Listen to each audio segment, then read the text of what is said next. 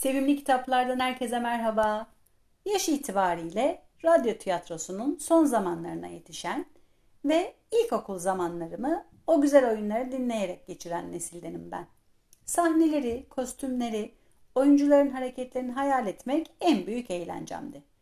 İlerleyen yıllarda iflah olmaz bir tiyatro izleyicisi de olunca tiyatro metinleri okumayı da çok sevdim.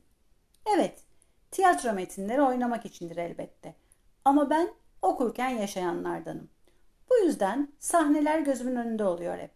Hele ki Molière gibi bir dev olunca son okuduğum tiyatro salonuna oturmuş, oyuncular da sahnedeymiş gibi hissettim. Bugünkü yayında Kadınlar Mektebi'ni anlatmak istiyorum size. Neredeyse tüm Fransa karşı olsa da Kral 14. Louis desteklediği için oyun sergilenebilmiş. Çünkü Kadınlar Mektebi'nde çok genç bir kızın çok yaşlı bir adamı gerçekten sevmeyeceği, tabiatı zorlamanın yarar sağlamadığı anlatılıyor.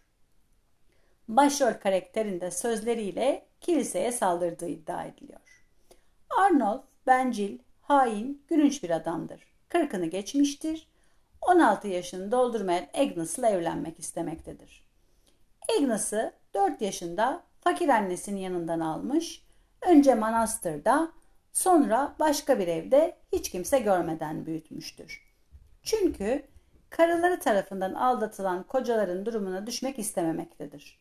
Bu şekilde saklar, hiçbir eğitim vermez ise karısının kendine bağlı olacağını düşünmektedir. Bir sahnede çok açıkça şöyle demektedir çünkü.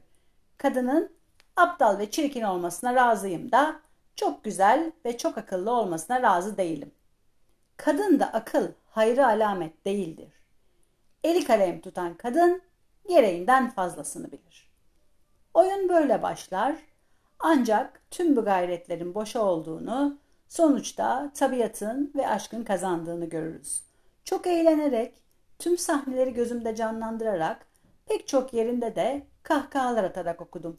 Siz de mutlaka okuyun. Sürçülisan ettimse affola. Bir başka yazar, bir başka kitapta görüşmek üzere. Hoşçakalın.